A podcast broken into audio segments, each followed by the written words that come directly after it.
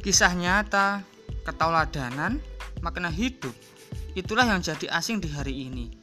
Kita dapat menemukan lagi tujuan hidup kita kalau kita punya peta dan arah jalan tentunya. Tak usah risau, tak perlu jauh, ia amat dekat kok.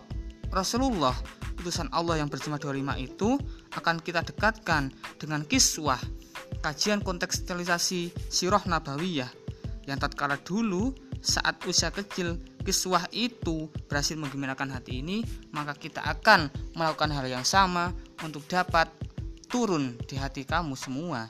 Kiswah menjadikan tontonan jadi tuntunan.